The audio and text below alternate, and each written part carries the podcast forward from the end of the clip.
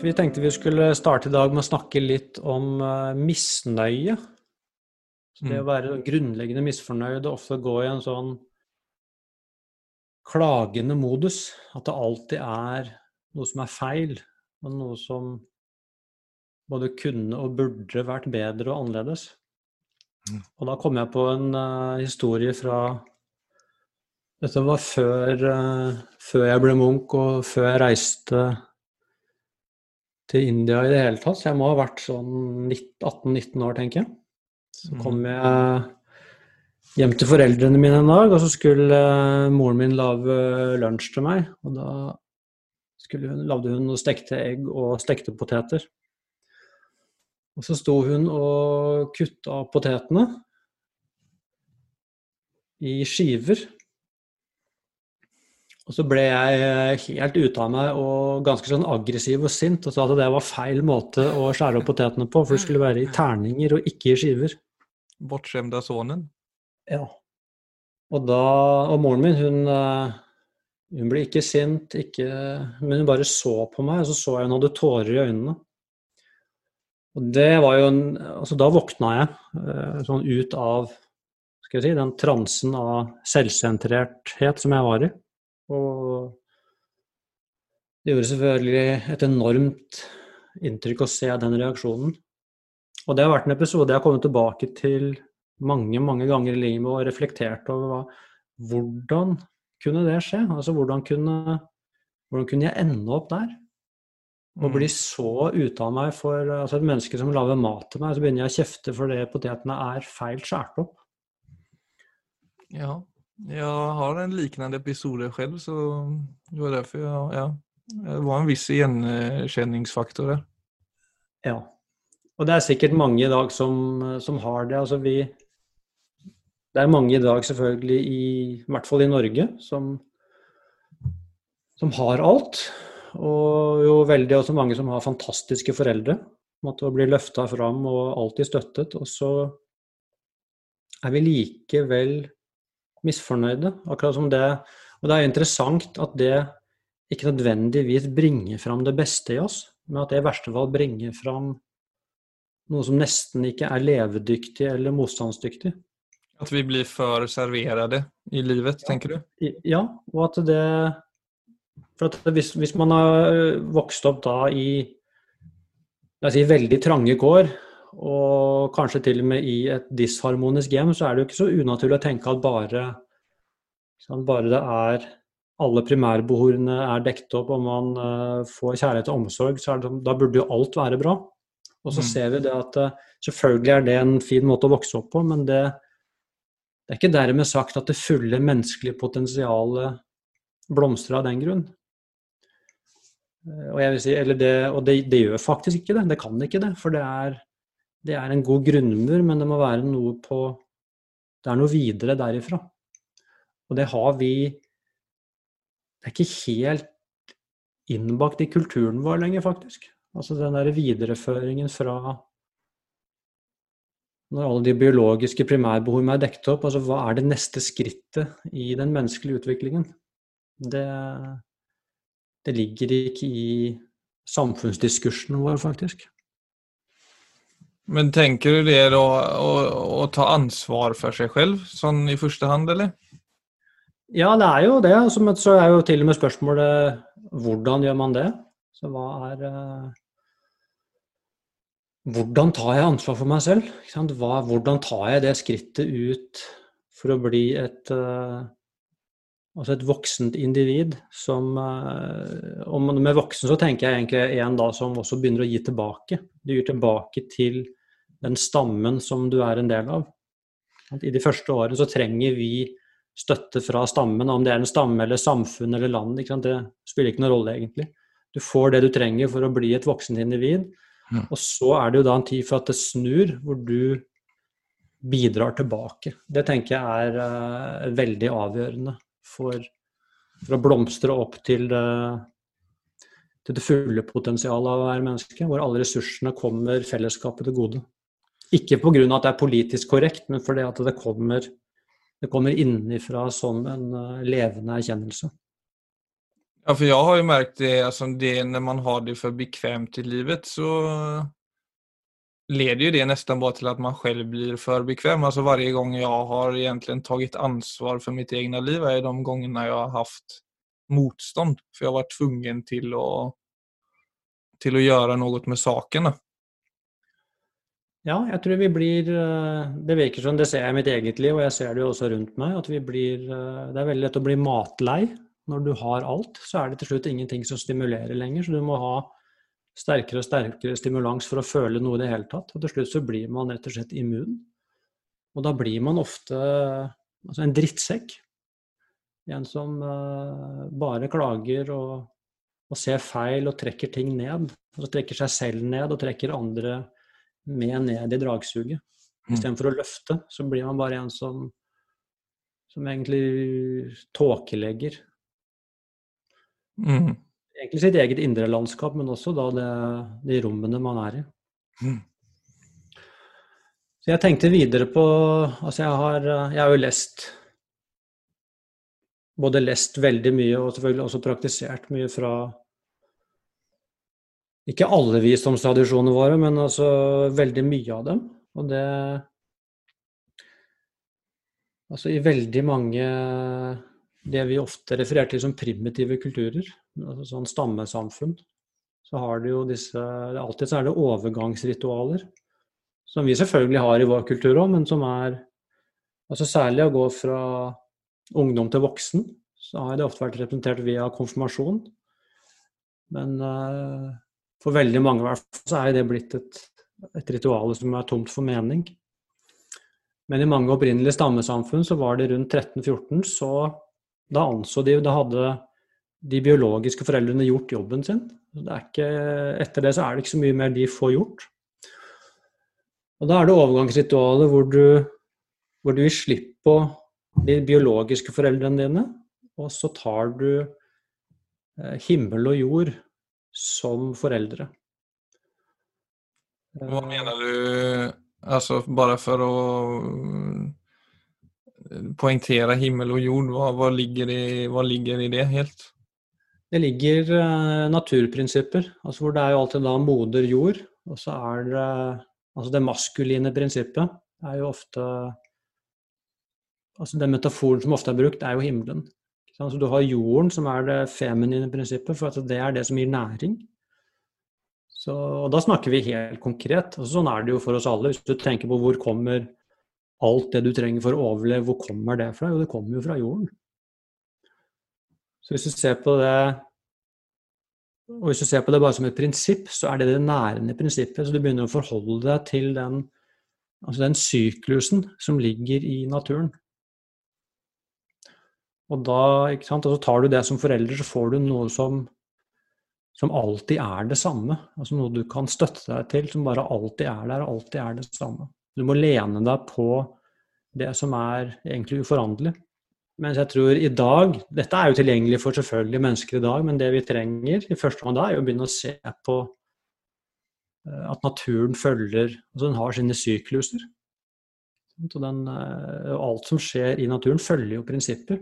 Dette begynner jo Vi oppdager dette nå ganske hardt med alle klimaforskjellene, f.eks. Så det er jo en sånn gryende våkenhet for de prinsippene og ny bevissthet rundt det. Si hvis du begynner å så ikke du forholder deg til de prinsippene, så kommer alltid ubalanse. Men sånn for et enkeltmenneske så er det jo sånne enkle ting som eh, altså det som kalles sirkadiske rytmer. At alt i naturen følger en 24-timers Og de syklusene de er også nedfelt i vår egen kropp sånn at, eh, og i våre indre organer. Så da gjelder det da å få At man får søvnen i balanse, f.eks. Når er det faktisk tid for å legge seg? Når har jeg den beste søvnen?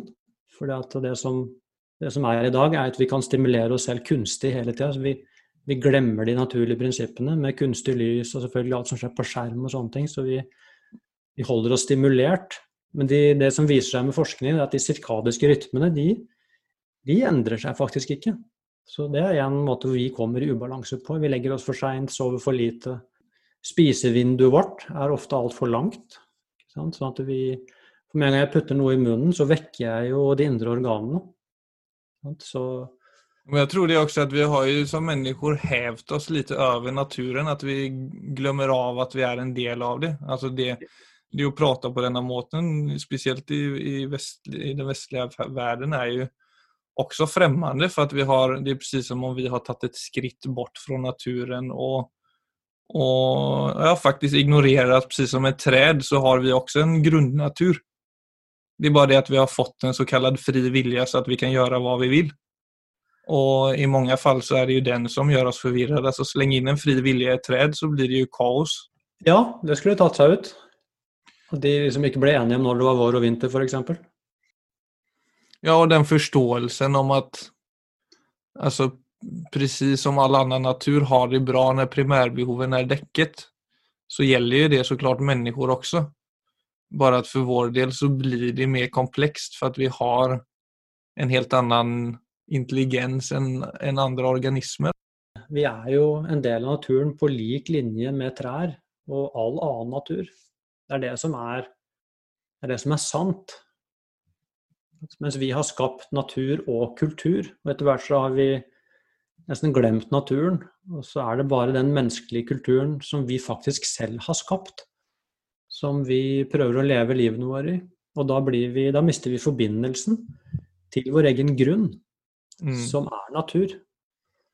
Og der, for meg i hvert fall, der ligger den dypeste årsaken til Egentlig så er det en sorg. Altså det er når vi mister kontakten til til naturen, så er det en sorg som dukker opp i oss. Og den sorgen, når den vokser, så blir den til, eh, til klaging og misnøye. Litt lenger ned i gata, egentlig. Ja, men det kan jeg kjenne igjen med veldig i mitt eget liv. Det der med at de, nesten de to kraftene lever litt sånn parallelt med hverandre. Altså det ønsket om å være autentisk og alle de her liksom konseptualiserede, redigerte rollene som som man så ofte har i livet og som ibland såklart fyller en funksjon, men så fort jeg legger min identitet altfor mye i det og liksom planlegger hvordan jeg skal framstå, så er det jo precis som om glädjen ved det å være rinner litt ur en. Ja, det blir jo det, for da har vi, har vi, allerede gått bort fra oss selv når vi gjør det. Og, det, og det, for meg så er det sånn at da får du et signal fra deg selv som egentlig prøver å fortelle deg ikke gjør dette.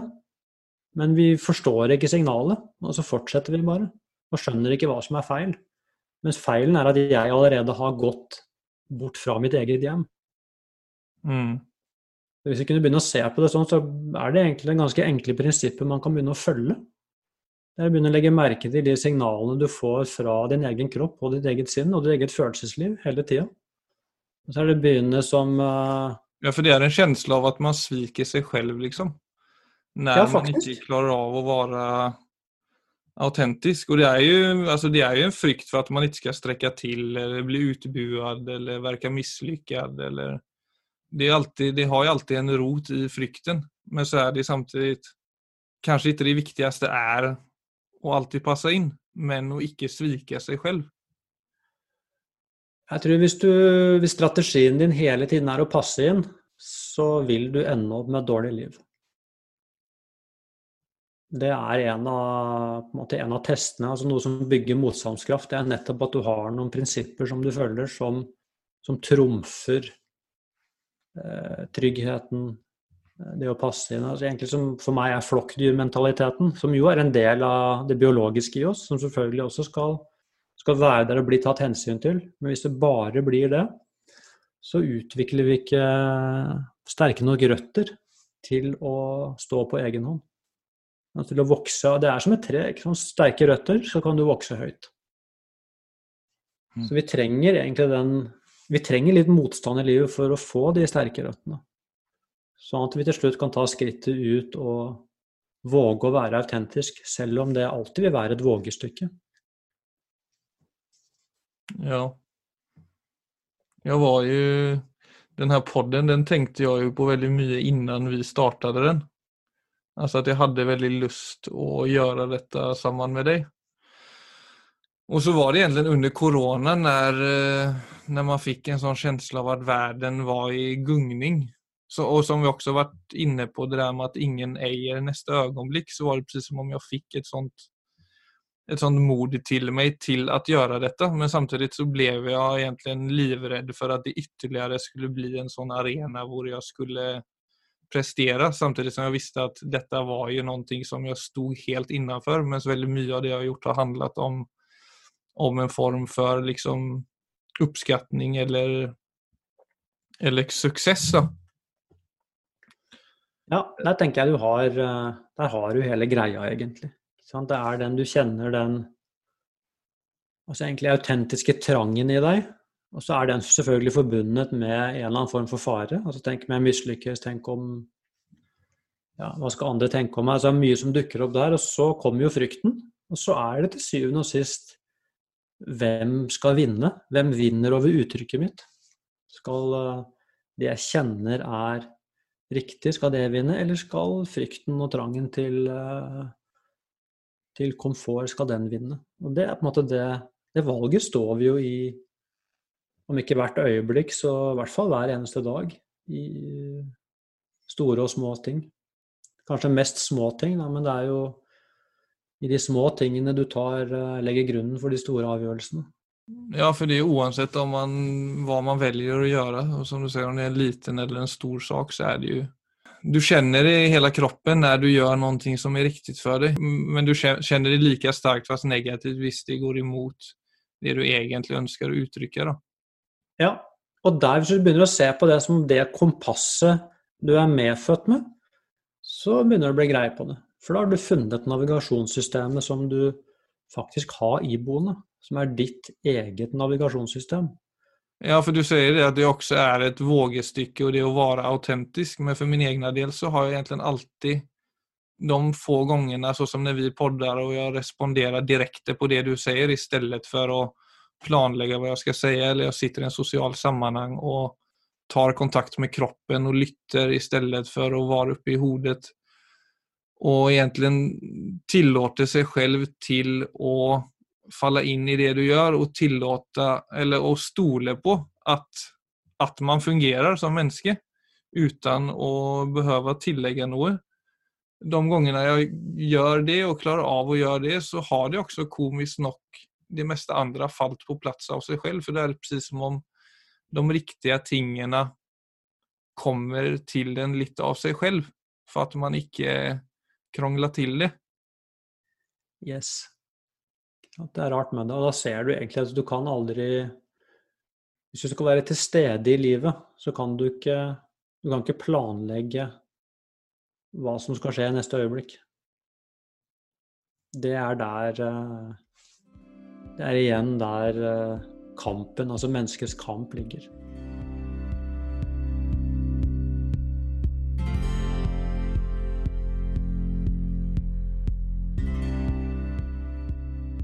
Ut fra det vi snakker om nå, så kommer jeg til å tenke på Joseph Campbell. Han var uh, amerikansk professor og forfatter, men han var spesielt kjent for uh, altså forskning og skriving rundt mytologi. Okay.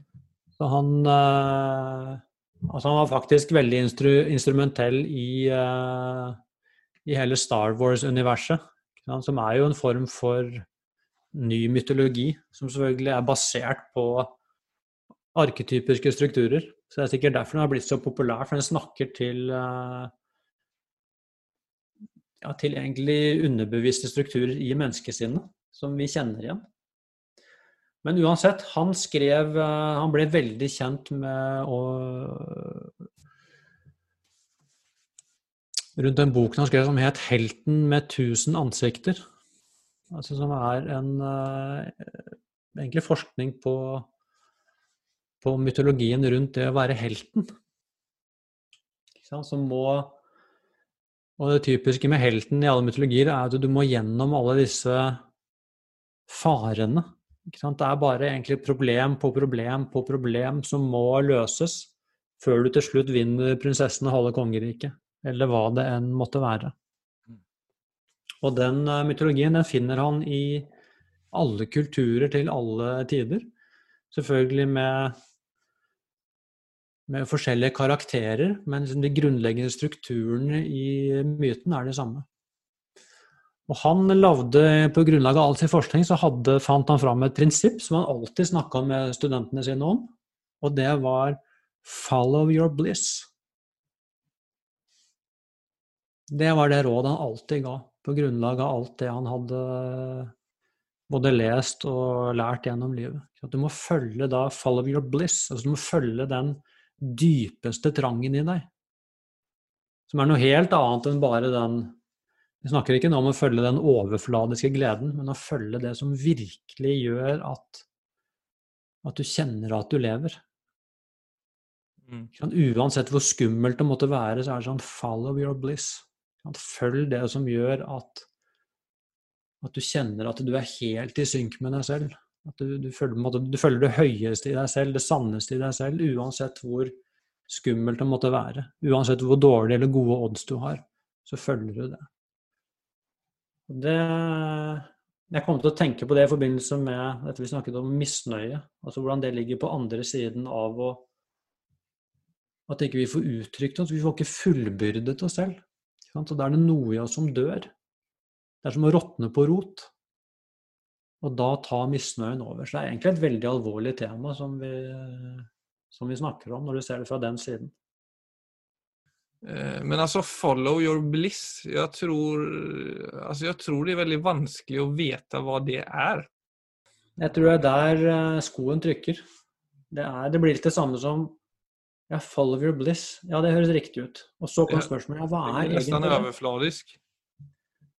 Ja, men det blir nesten det samme som kan be authentic, vær autentisk. Ja, det kjenner jeg riktig. Men hvem av stemmene i meg er den autentiske?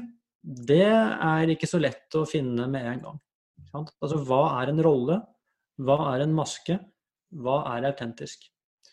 Men jeg tror hvis du begynner å hvis du stiller deg de spørsmålene på ordentlig, akkurat som du dropper de spørsmålene innover altså Når er jeg autentisk?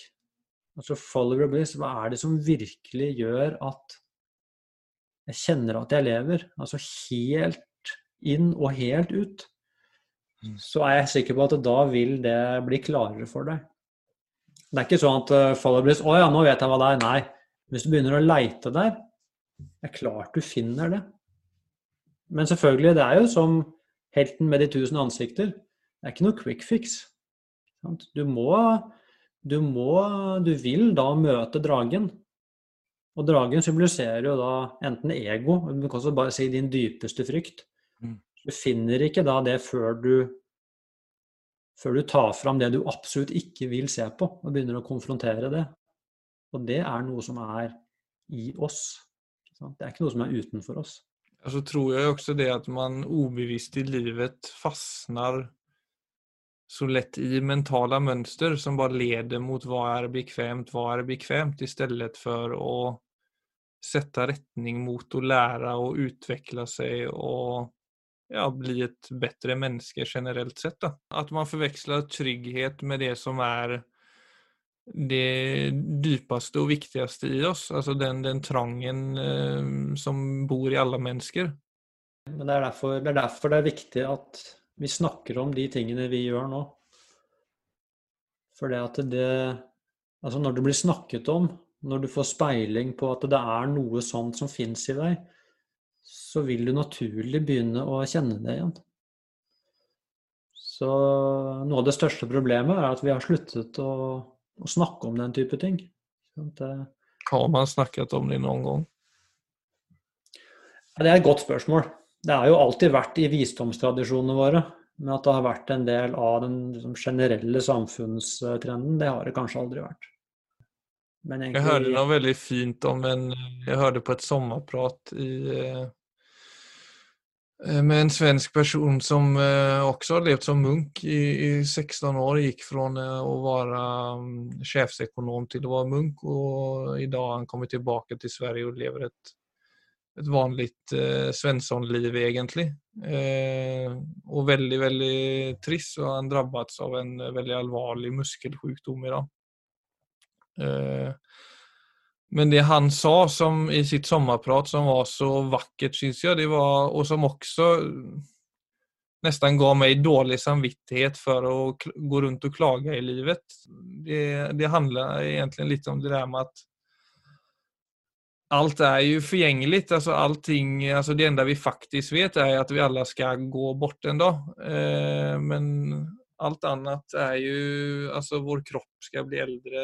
Vi, er vi heldige, så blir vi får den åldras liksom. Og det han sa var det, det med at vi har livet og hverandre til låns. Mm. Mer enn at ja altså Bare det å gå, gå litt med det perspektivet i livet at det er så lett å, å havne i en position der man blir bekväm med livet och också alltså, så allvarligare ting som döden och att vi blir äldre, att man kan bli sjuka, det önskar man gärna å hålla på, på, på avstånd när det egentligen kanske är så att kroppen också, visst vi klarar av att ta in de aspekterna av livet så kjenner kroppen også igjen den sanningen. Det vil på en måte, en ubekvem sanning vil også gjøre oss godt så fort vi slutar vende oss ifrån den. Och då får vi automatiskt också nya perspektiv på det. Men ja. jag syns bara det med att Ja, det var bara någonting med det att man har varandra till låns. Det skapade, det var både på en måte noe veldig sårbart over det og instinktivt litt ubehagelig, Men så var det en sånn automatisk bryter i meg som bare satt, plutselig satte pris på allting. Nettopp. Og det er akkurat det Der du kommer inn i dette med hva som er naturprinsipper. Og så se på hva gjør det med meg når jeg fornekter hvordan livet egentlig er. Og går inn f.eks. som eh, som de sier i stoisismen, som er egentlig det samme poenget. De sier du har ingen rettigheter overfor naturen. Og det høres jo veldig hardt ut. Men det er egentlig et forsøk på akkurat det som du beskriver nå, å få deg til å åpne øynene og se det at uh, du har faktisk alt til låns. Og det er jo, som du sier, umiddelbart veldig ubehagelig, men fordi det er sant, altså det øyeblikket du tar det innover deg, så er det noe som begynner å flyte. Du vet, og den, den, som går i misnøye, han fargelegger sitt eget rom med det. Den som insisterer på at ting skulle vært annerledes, har jo egentlig bare Eh, satt seg selv i mørket. Og det er det vi ikke ser. Mens det er når vi går igjennom og, og ser jeg har faktisk alt til låns, ja, så har du ikke noe annet valg enn å begynne å flyte med livet sånn som det er. Og da er det noe som uh, både faller til ro, og noe som åpner seg. Så det, mm. og i min, i hvert fall i min egen erfaring, så er det Vi er sånn.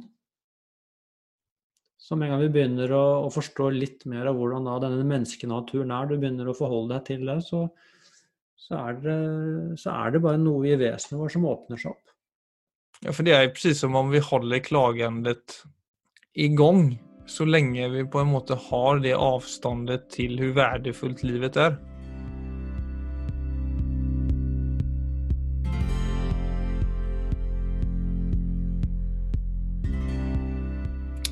Då var det dags för ännu en liten text som jag knotat ihop och som jag tänkte kunde få avrunda dagens episode.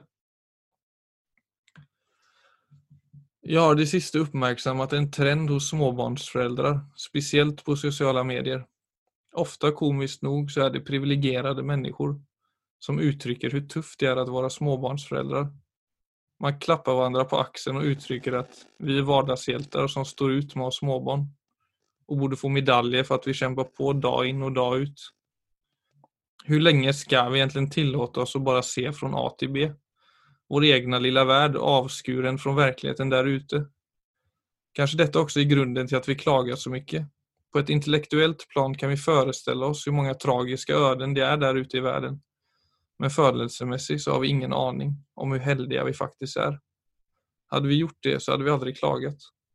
Jag menar inte att det inte är lov att tycka att det kan vara utmanande till tider att vara småbarnsföräldrar. Det tycker jag också. Men att klaga är något helt annat och det undervärderar också vår styrka och vår förståelse för andra. Är det någon som ska klaga så är det kanske människor i den indiska slummen, storfamiljer som delar på 20 kvadratmeter året runt med tågspåret som går fem meter utanför med tåg som dundrar förbi varannan minut. Kanske de borde klappa varandra på axeln och kalla varandra hjältar. Men det intressanta är att jag tror inte de gör det. De har inte tid att klaga. Eller barnen och ungdomarna i Moria eller Öja Samos med 8000 barn och ungdomar som lever i ett leir som utgångspunkt har 650 människor. Som lever i fullkomlig ovisshet, många ensliga og allerede traumatiserade barn som bor under de värsta förhåll. Otryggt, ensamt, utan familj och ingen framtid i sikte. Kan du se dem in i ögonen och fortsätta klaga på att det är så jobbigt att ha småbarn? Att det är så fruktansvärt orättvist att du, just du, inte får mer tid till dig själv. För trots allt så står du faktiskt ut med allt detta. Du står ut med dina egna barn. Du står ut med din egna familj. Allt det där står du ut med. Som är det enda de barnen och ungdomarna icke har, men hade gjort allt för att få.